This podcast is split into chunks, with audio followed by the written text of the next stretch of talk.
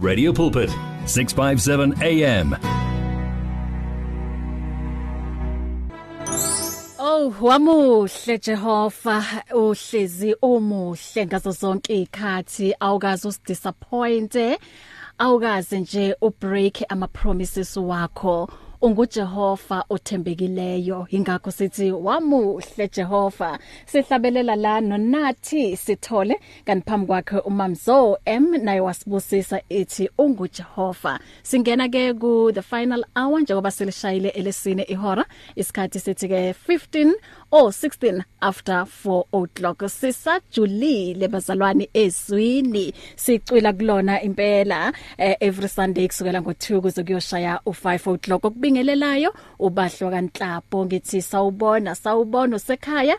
Eh, ukhuleka uma sithi asipraise praise nathi. Uma sithi asiworship worship nathi. Uma sithi asikhulume hayi nawe khuluma. Ngokuthi ke ushaye ucingo ngokuthi uthumele iWhatsApp ngokuthi ke uSMS manje ke singena kwi discussion yethu um ngino mfundisi uTebogo Mokwena ngikanye ke nomfundisi uAlsitibani hey Pastor Alsi. Mengikubona nje ngikubona stage hlabelela. He uyazi uyazi uNkulunkulu ngiyamthanda ngoba aka akasibusisi ngesipho esisodwa kuphela. Amen.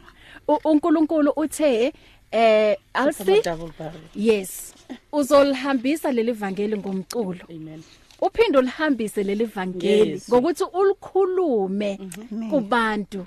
So uyabona ukuthi wena unayo nje ishance yokuthi uthi hayi mina ngiyahlala ngiyarelax. Wena nje kumele ube yonke le ndawo Amen. ulihambisa ivangeli. Sawubona ma. Sabona sabona my dear. ngi unjani kodwa? Hayi ngiyaphila. Amen. Only by the grace of the Lord. only by the grace Yes. kaNkuluNkulu yebo. Em umusa le wonke. Yeah. uyazi into engiyithandayo ukuthi abazalwane all the time bagcizelela indaba yokuthi em siphila nje kumusa kusho ukuthi siyayi understand lento Yeah. yeah. A- asikhulumi nje siya understand ukuthi silabantu esiyibo. Ingenxa yomusa kaJehova. Namhlanje singabomama abaqotho. Kumusa kaJehova. Akusho ukuthi wena mama Elsie ngoba ungumfundisi ungumhlabeleli kusho ukuthi ubetter kumusa amen. Amen. Mfundisi Tamati sawubona? Sawubona magodi kaJesu. Ngibingelele futhi bonke abalaleli bayikhaya lethu iRadio Pulpit la sijula ezwini uPastor Elsie eh mfundisi wami she is so dear and near Yeah. to my heart yeah em sisazane nje dala eh sihambe sonke iBible College e Christian Family Church oh under the leadership and uh, the anointing and the covering God the great apostle Theo Volmarans mm. and uh, she is a humble woman of God Yeah. and um her husband also went home to be with the Lord 10 years ago so she's still heading the church abayiqalile nomyeni wabo iFlames Christian Family Church mm -hmm.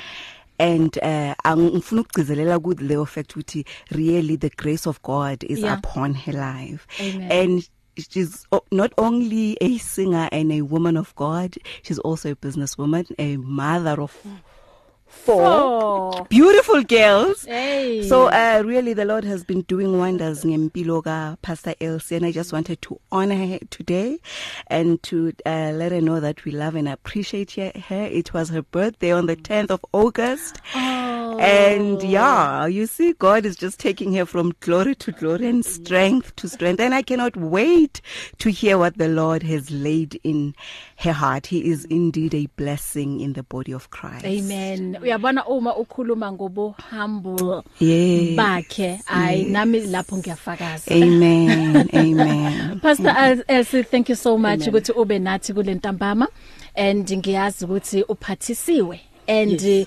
lokhu uNkulunkulu akuphathise kona em kuzomvusa umama okuwukuthi bekayitshela ukuthi kuphelile umama okuwukuthi bekathi "Ah, uyazini? Ku- kubhidlikile. Leli bonda libhidlikile and ngeke ngisakwazi ukuthi ngilakhe. So today sithi we are rebuilding Yes. broken women. Sithi we are rebuilding the broken walls. Mm. Mam Elsie ngicela usindlalele yona le ndaba. Thank you so much. Um ngibingelele and uh, I'm grateful to my friend um Pastor Teboho for invite and kuwe our host uh you know we come a long way I must say. And Amen. thanks so much for this invite. Um yes, it it's in my heart and to everyone who's listening and I love you and uh, I know that after this message you you will never be the same again Amen. it's been in my heart um uh this year this year i think since uh, may june july when i i see a lot of things that happening especially from last year in the nation everywhere in our country you know we go through challenges people losing their people people are, are sick people this and that people are broken emotionally you know. So last last I think last week uh, we had a conference, uh, women's conference. We were dealing about the rebuilding again. When she invited me and she asked me that what what is in your new heart, I said to her, you know, rebuild. Amen. This is a season for us ukwaka the broken holes the the moral that is broken out there you know when i read uh, the word of god in the book of uh, nehemiah uh, chapter chapter 1 uh, from verse 1 to 7 but i'm gonna just um, um, concentrate on verse 4 you know when you look um the city when you look the nation when you look the people when you look the country you know people are broken mm. because of the because of of the season because of the things that is happening especially in the season. But uh, the lord is the lord who will rebuild the hope of people. The lord is an encourager. The lord is the healer. The lord can do it uh, once more time in the mighty name of Jesus. Um, so when I read, okay, let me just read um, because of time, verse four only. But uh, my uh, when you uh, wherever at home where you are, you can read from verse uh, one to to seven. It will give you the story about the Nehemiah when he got the message when God called him when he was occupying his higher position as a cupbearer of the king. But the message come to him and then said that he must go and rebuild the halls of Jerusalem. When you read verse 4 verse 4 it said um um when I hear these things I sat down and I wept for some days. I mourned and I fasted and prayed before the God of heaven. Let me continue. Then I, verse 5 says, Then I said, Lord, the God of heaven, the great and awesome God, who keeps his covenant of love with those who love him and keep his commandment. Let me, let your ear be attentive and your eyes open to hear the prayer your servant is praying before you and and before you day and night for your servant the people of Israel I confess the sins we Israelites include myself and my father's and my father's family have committed again against you. Then verse 7 says we have acted very wi- wickedly towards you. We have not obeyed the commandment decrees and the laws of and the laws you gave your servant Moses. But when we read the story about Nehemiah from chapter 1 it speak about um the message that he came and approached him to to to go and rebuild the broken halls of Jerusalem which is I can say uh, uh, for in this time in this time of us or the season that we are living the halls are broken people are, are, are abantu balimele mm. you know there's no hope uh, they don't there's no trust you don't know that when you wake up um tomorrow what's going to happen when you go into the taxi what's going to mm. happen there is a, a different uh, sicknesses yeah. that is uh, affecting us uh, affecting us is attacking us. When you go to the hospital the hospital is full you know the doctors mm. they don't have answers. The the scientists itself they don't have answers you know. We we pray and pray and pray. Here it's worse in South Africa. The few weeks or few months ago we experienced uh, where the the the foundation of of diluting was was broken. As some of the provinces you know things happen that is going to cost the government a lot of money to rebuild again. But uh, just want to uh, uh, tell you this that we as Christian we built different. We as children of God we look at the story the pattern of Nehemiah but we we use the same pattern but different. Now the Israelites it's us. The walls of Jerusalem that are broken into us it's in our family in our community in our churches around us. That is need someone with the heart someone with the character someone with the commitment to say to yourself I'm praying to the Lord. Lord hear my prayer. Prayer.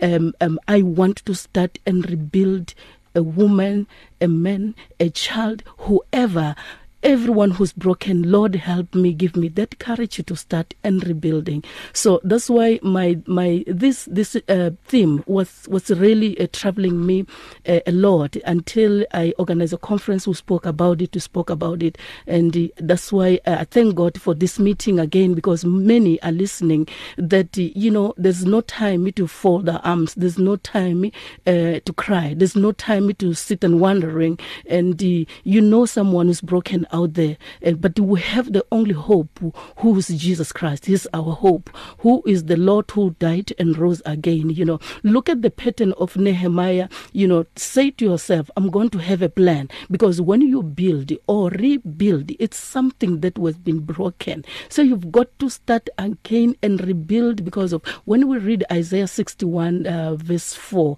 the word of God says you will rebuild the broken foundation that has been long have been broken but you will rebuild. But you how you going to rebuild? Have a plan.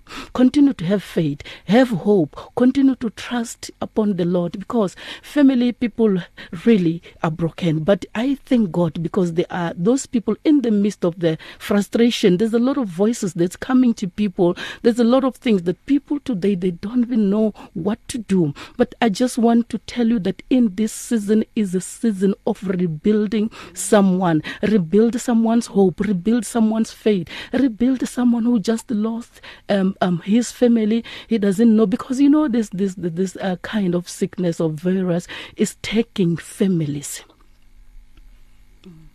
but the Lord is faithful but the Lord is faithful the indeed. Lord is good mm. The Lord will never leave us nor forsake us amen that's why we are here to encourage people that mm. let us rebuild don't yeah. just wander out there don't just uh, think that those who are dying maybe they didn't steam enough they didn't take mm. mm.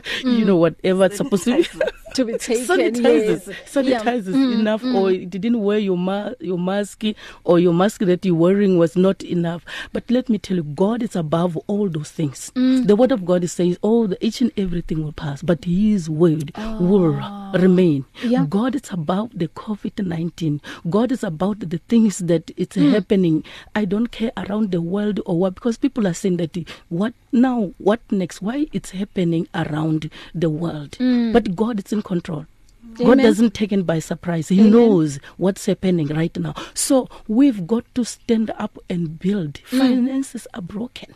Mm. Mm. everything is just falling apart mm. you don't know i'm thinking that you know we, we we our children who are at school you go tomorrow today tomorrow you're not going i was like i mean what a kind of a, a, a country or nation mm. we are raising because want to be a scientist you need to study have time to start yeah. but there's no more time mm. but what i can say those who can pray even in the corner in a bathroom in your office everywhere. Continue to pray and pray and pray and rebuild because this is a season of of, of rebuilding. Amen. Ngicela ukuthi ngaphambi kokuthi ungene mfundisi Tebogo ngicela ukuthi ngifunde lencwadi kaNehemia ne eh 1 from verse 1 to 7 ngicela ukuyifunda ngesizulu ne? Yes. Ithi amazwi kaNehemia indodana ka Hagalia mhm kwathi ngenyanga ka ka Kisilevi yes. ngomnyaka wamashumi amabili ngisendlini yenkosi Hmm. yase Shushani kwafika uHanani omunye wabafowethu yena nabantu bakwaJuda ngababuza ngabaJuda ababesele besindile ekuthunjweni nange eh, eJerusalem. Bathi kimi in, in, insali eseleyo ekuthunjweni lapho ezweni esihlupheke esikuhluphekeni okukhulu nasehlazweni. Ugange lwaseJerusalem lubhidliziwe namasango alo ashisiwe ngomlilo. Uverse 4 uthi kwathi lapho ngizwa lawo mazwi ngahlala phansi ngakhala inyembezi ngalila insuku ezithile ngazila ukudla ngakhuleka phambi kukaNkuluNkulu wezulu ngathi ngiyanxusa Jehova. uNkulunkulu Jehova uNkulunkulu wezulu wena uNkulunkulu omkhulu nowesabekayo ogcina isivumelwano nomusa naba nabakuthandayo nabagcina imiyalo yakho ukuba indlebe yakho. ilalele. Namehlo akho avuleke ukuze uzwe umkhuleko wenceke yakho. Engukhuleka phambi kwaba phambi kwakho ngalesi sikhathi imini nobusuku ngenxa yabantwana bakaIsrael inceke zakho lapho ngivuma izono zabantwana bakaIsrael esone ngazo. Kuwe yebo nami nendlu kababa sonile. Lapha ku verse 7 ithi senzi senzile kabi kakhulu kuwe. Asigcinanga imiyalo nezimiso nezahlulelo owayala ngakho inceku inceku yakho uMose amen. Wow.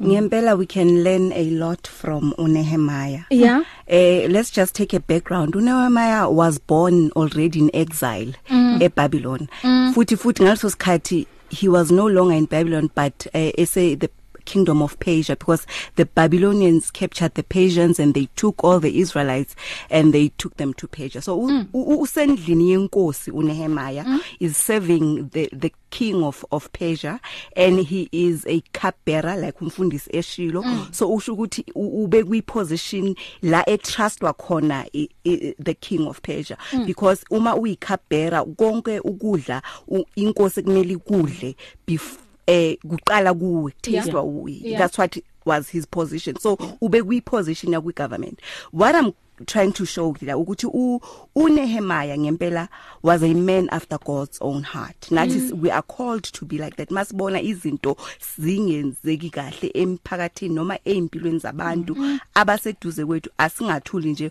ngoba mhlambe thina sizikwi position right mm. he was a cupbearer. When his brother comes and tells him ukuthi ekhaya eJerusalem izinto azihambi kahle. The walls have been broken down. And remember iJerusalem is a city of God a city that is called after God Yahweh himself. So um ukuthi ibe in that state of brokenness and it, everything was bent down there was no walls. And the walls kubantwana baka Israel represented is safety mm. ne protection ne peace eh ne stability. So all those walls were broken down. Engithanda ukusho ukuthi singakufunda kuNehemiah ukuthi akazange abe selfish athi mina ngisendlini yenkosi and I was born here in exile. I've never seen Jerusalem. I've never been there before. So why do I bother? But he made it a great concern kuye. Wakhuleka like ufundile sisibahle. Day in and day night and he fasted and he prayed unto the God of heaven and said Lord what should I do? And I I believe that's when the Lord put it in his heart.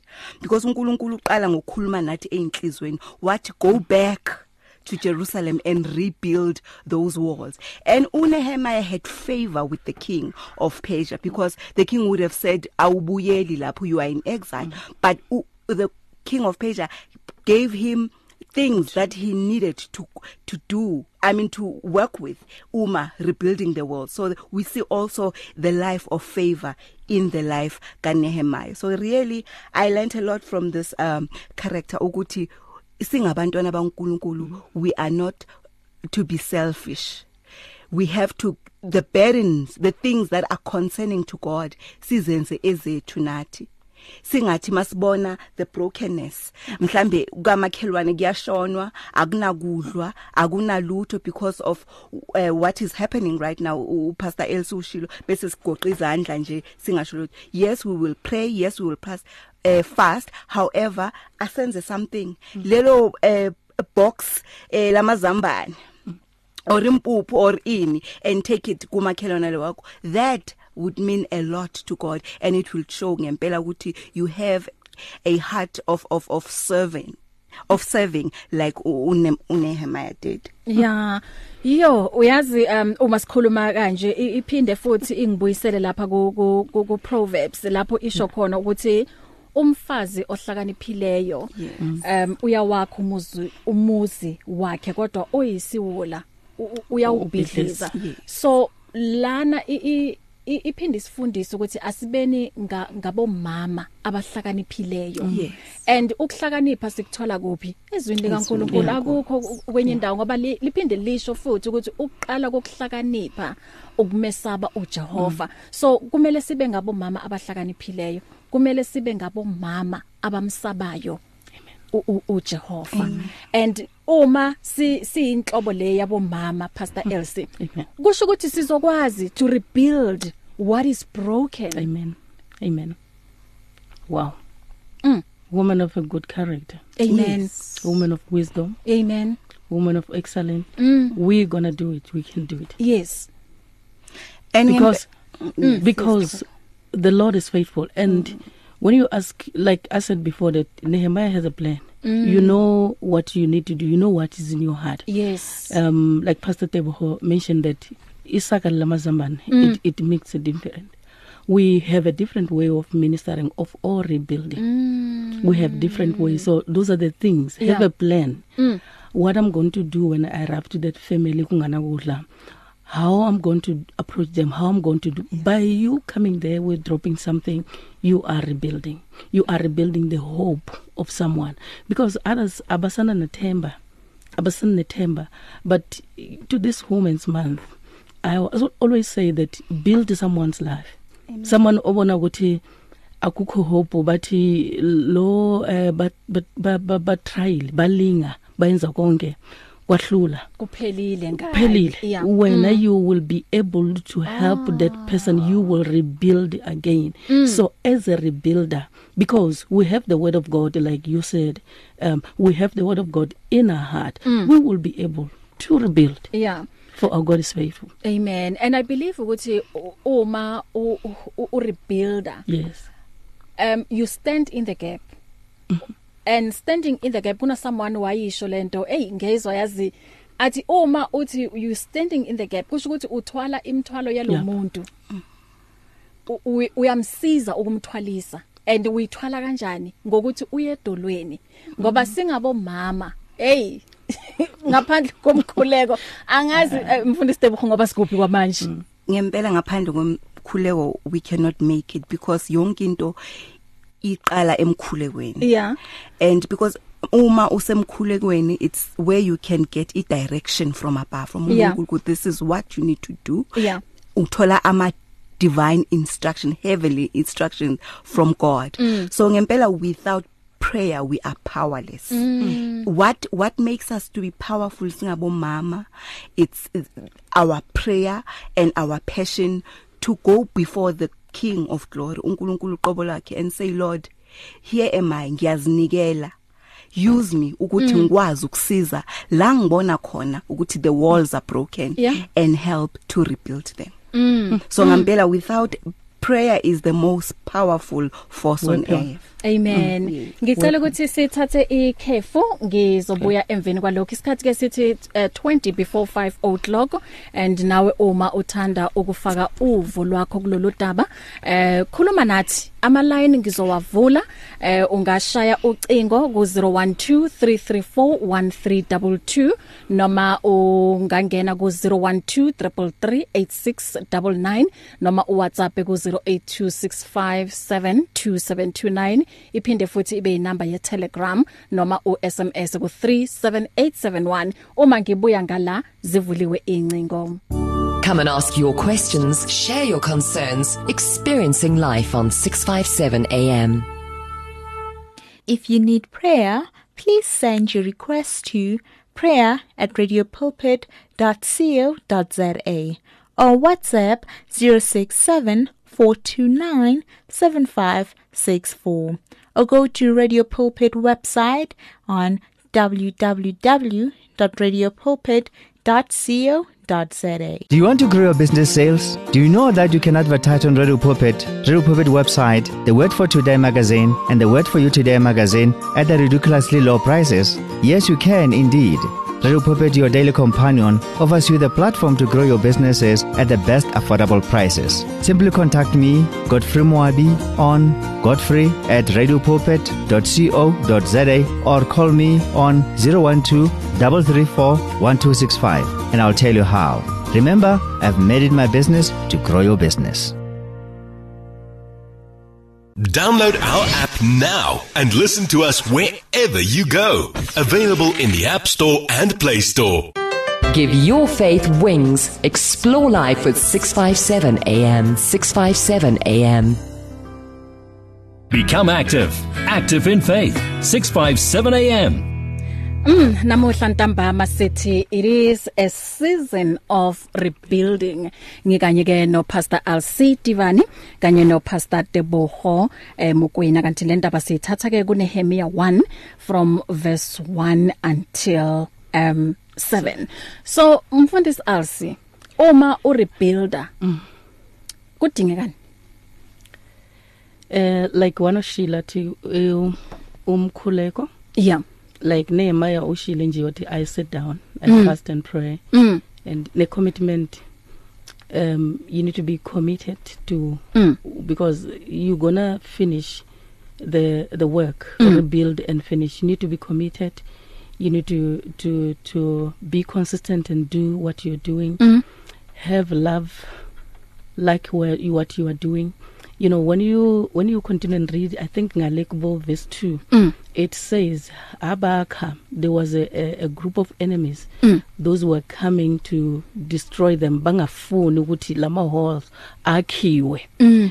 uh, even today there's an enemy that it doesn't want you to be rebuilt that someone Yeah. will always bring this and this but the word of god says what i like about the ne- nehemiah and the team he mm. said bebakha ngesandla sodwa the other hand they they having the the the, the, the button i, i, i, the lento yokulwa Ba- bayalwa other hand they are fighting mm. the other hand they are rebuilding mm. meaning that you need to pray you need to continue to rebuild mm. speak hope speak courage encourage someone because people are broken Yeah. have love to them you cannot rebuild something that you don't you don't like it Mm. you need you need to have that heart that i want when i finish to rebuild this even amazing amazing so when we rebuild have patience to people check people mm.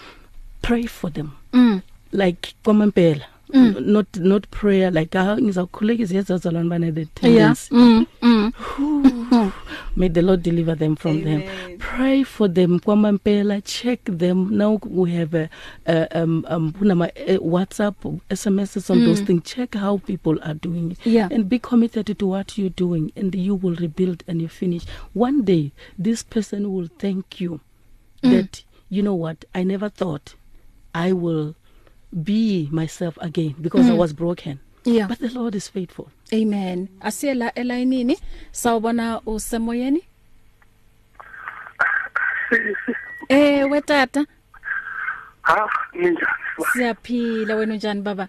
Eh ngiyaphila mama. Kuhle usomandla usigcinile eh manje ubulise kakhulu kube futhi bami studio nakubaphula phuhle hey amen eh sibahle hey ngibona befundisi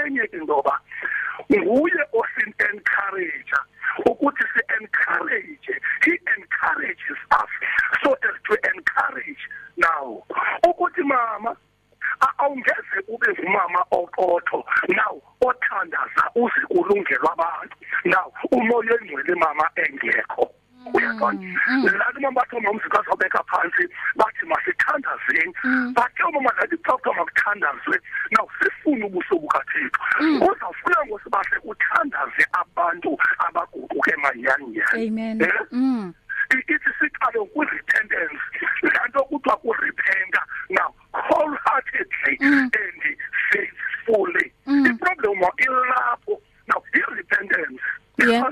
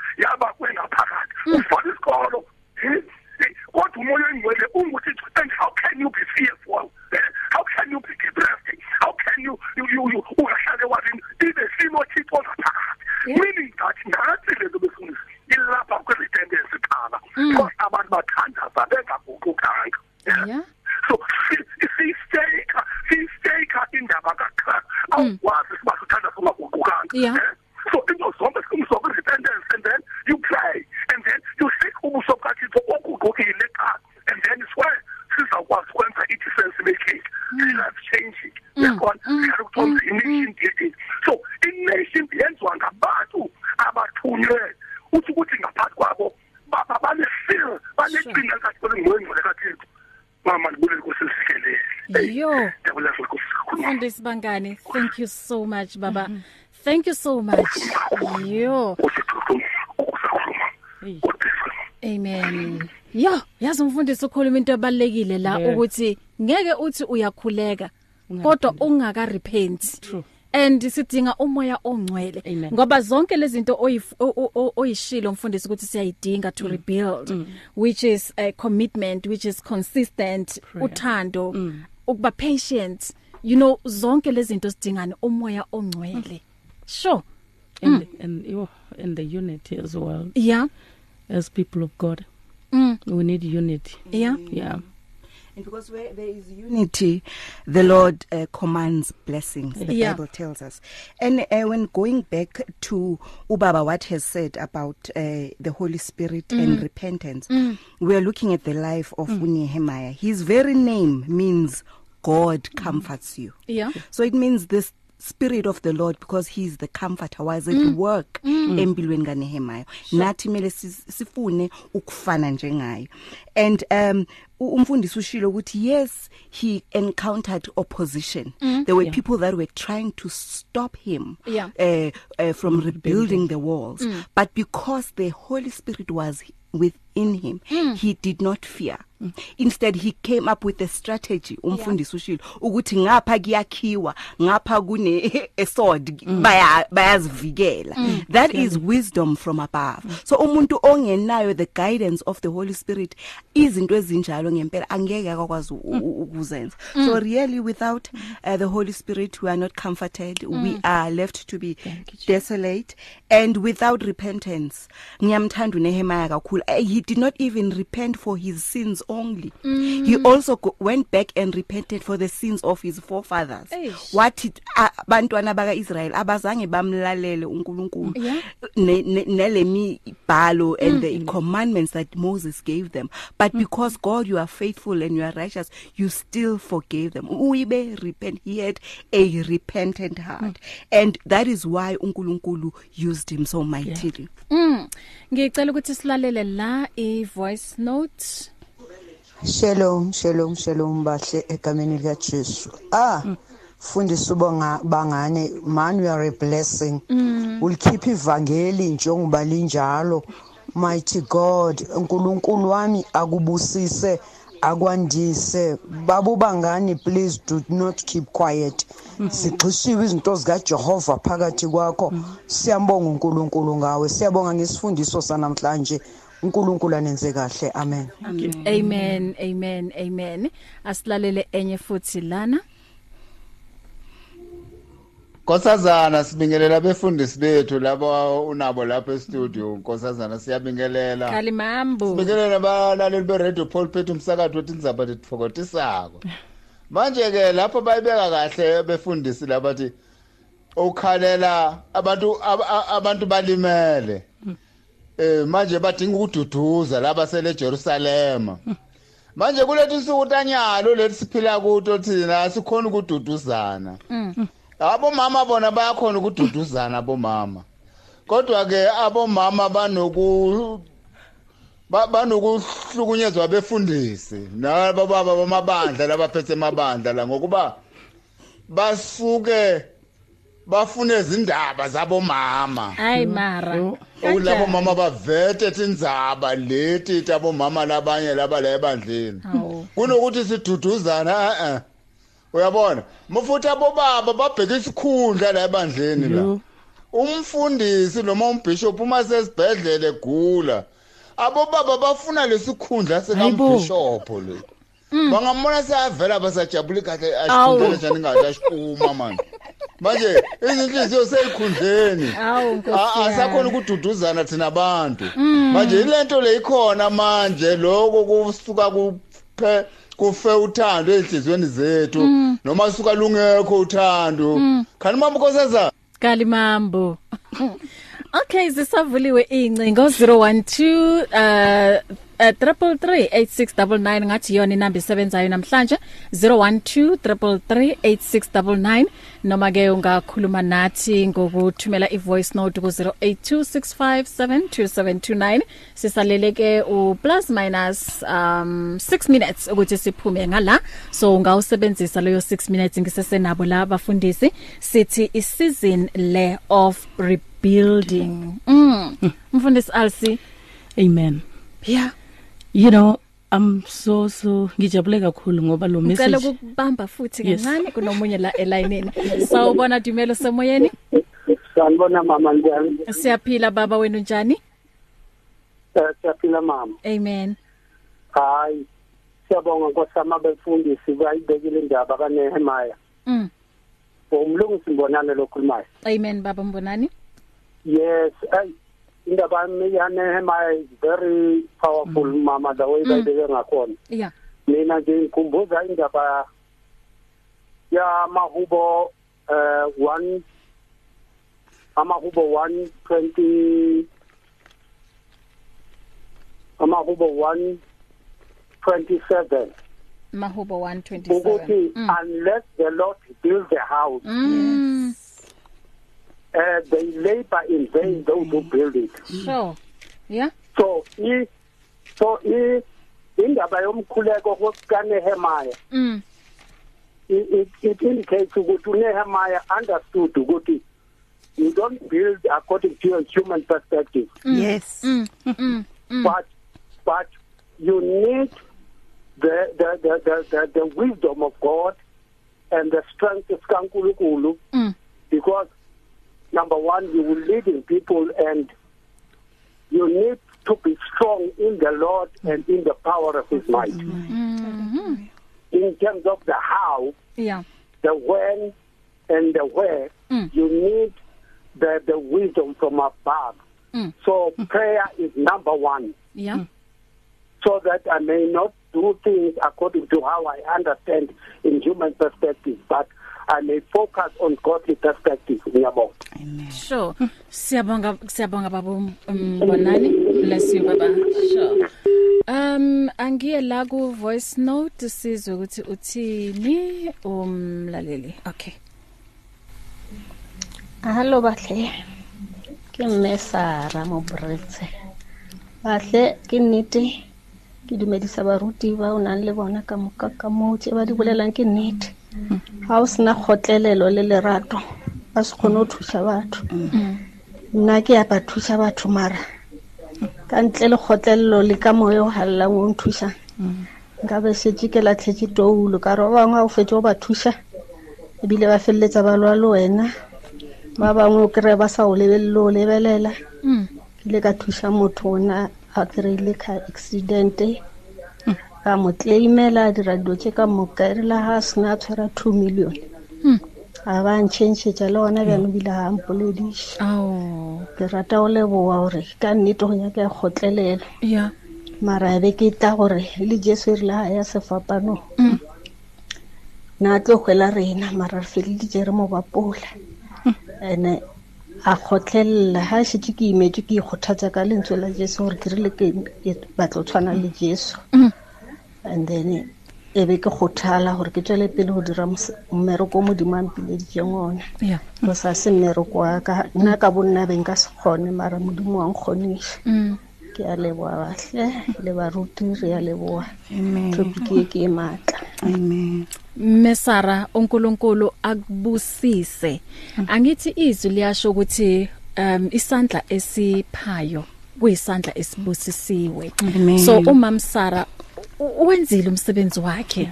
Mesara usafela u- u- qhubeka nje ube Yeah, nayo leyo ayizamani. nhliziyo yebo uNkulunkulu akunikeze yona. And you know uma singabantwana bakaNkulunkulu uma senza mhlambe okuthile okuhle eh, as- asibuki inzuzo ngithi bazalwane. Yes ngoba uNkulunkulu yena mesara modimo ke yena a tlo rewardang hayi lo yamuntu lo ophethe i2 i2 million. Hey bazalwane be- besithi siyayivala so kunenye call futhi lana? Sawubona dumele semoyeni? Sibahle. Mfundisi. Ngalomzuzu ngalomzuzu umnye mama ndi- ndibulela kakhulu kube mfundisi ohleli kunye nabo. Mm.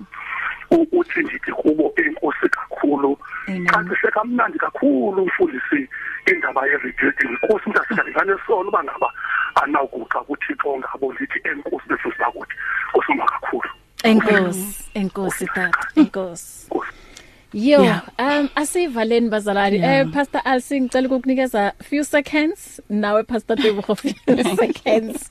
Yeah. Well, thank you so much. Eh ngiyabonga kakhulu and then kumama Sara, uh, forgive that person and Mm. move on. Yeah. Ungabi, you know, forgive it and then let it go. The Lord is good. Yeah. To all everyone who was listening bonke abamameli uh, for this rebuilding. Uh, may the Lord bless you as you continue to rebuild. Uh, Romans chapter 15 verse f- 13 the word of God says may the God of hope fill you with all joy and peace as you trust in him Mm. so that you may overflow with hope by the power of the Holy Spirit. Amen. Sidinga umoya ingcwele to guide us Mm. sidinga to descend to to ukumamela the Holy Spirit so that we continue and rebuild. May the Lord bless you. And uh, I let me tell you that you will rebuild you will do it the lord is good. Amen. Amen. And i would also like to remind us ukuthi the ministry of rebuilding ngempela mm. it's a ministry kaJesu. Wathi uJesu kubafundi bakhe I was in prison. Did you visit me? I was in hospital. Mm. did you uh, visit me? I was hungry. Did you feed me? And abafundi bakhe bambuza ukuthi when were you in hospital? When were you in prison? Mm. when were you hungry? Wathi if you do to the list of this kulaba ukwenza kimi. Mm. so that was the message that uh, Jesus left for us. uNehemiah naye futhi sibonile kuyo so let us continue eh sikhuleke eh the bible says eh, the effect effective fervent prayer of a yeah. righteous man availeth much singagcini lapho ngokukhuleka nokufasta senze ke sivakashela kumele bavakashelo siba sibaphe because that is the heartbeat of God and also to win souls for mm. him. Amen. Mm. amen. Singabakhi aba aba aba abasizwa ngumoya ongcwele. Singabakhi okumele sihlale emkhulekweni singabakhi okuwukuthi kulokho sizocommita kukho. Sibe consistent yes. and sibe nothando sibe ne patience Amen. sure. Thank you so much bafundisi. Eh utholakala kuphi pastor Alsi mhlambe uma bethanda ukukhuluma baqhubeke baxoxe nawe lolu daba. 082 082 469 469 7991 7991 yes uh, WhatsApp yeah. and they can SMS or call. Okay yes. pastor Tebogo? Ngikhona ku Instagram uMiss Tebogo Mkwena na ku 079 093 50 27 079 092 50 27 092 50 27 27 yes. Na ku Facebook futhi ngikhona LCT bane yeah. and then you'll get the, all the information about uh, Pastor Els amen. Yes, amen. yeah. i album entshiza nini iyeza masisha maduza iyeza. Maduzane maduzane yes. sizoyilindela. I'll be coming here before the end of the year ngizokhuluma ngayo. Amen. Amen. Konje mfundisi ibandla lakho lisebreds lisebreds yes. Yeah, sina different branches. Yeah. khona li one ebreds elandsrand yeah. Khona eli one emabuluka just next to likhlavile yes. Khona eli one soshangube itsuseng yeah. And then khona another one e Rustenburg eh lithabong. Amen. Yes. So uma bengathanda ukuhlanganyela nani ningena ngo 9 ekseni ngo9 okuseni eBroads Ellens Rand the rest bangena ngo10 ngo10 bless you bless you. Upastor Ray Lehodi uyeza? Uzoqhubeka nawe njoba selishayile lesitano ihora. Mina nawe asibe ndawonye nakusasa ekseni 4am until half 5 sithi trust in the lord. Lapho ke urebuilder one vision one voice one message radio pulpit 657 am and 729 cape pulpit impacting lives from Gauteng to the Cape. If you need prayer, please send your request to prayer at radiopulpit.co.za or WhatsApp 067 429 7564 or go to Radio Pulpit website on www.radiopulpit.co.za www.radioculture.co.za. You can now buy your favorite programs and series of the past 38 years on eCompanion, Radio Pulpit's own online shop. Revisit programs by beloved presenters like Justice Chungu, Cecile Burger, Esti Geldenhuys, and Pastor Aaron Jelle. Books and CDs from various authors and artists, as well as Radio Pulpit t-shirts, caps, and other branded products will also be available on eCompanion, your one-stop soul food shop. Visit radiopulpit.co.za and click on shop. T's and C's apply. You and 657 AM and life, a winning team on the road to eternity.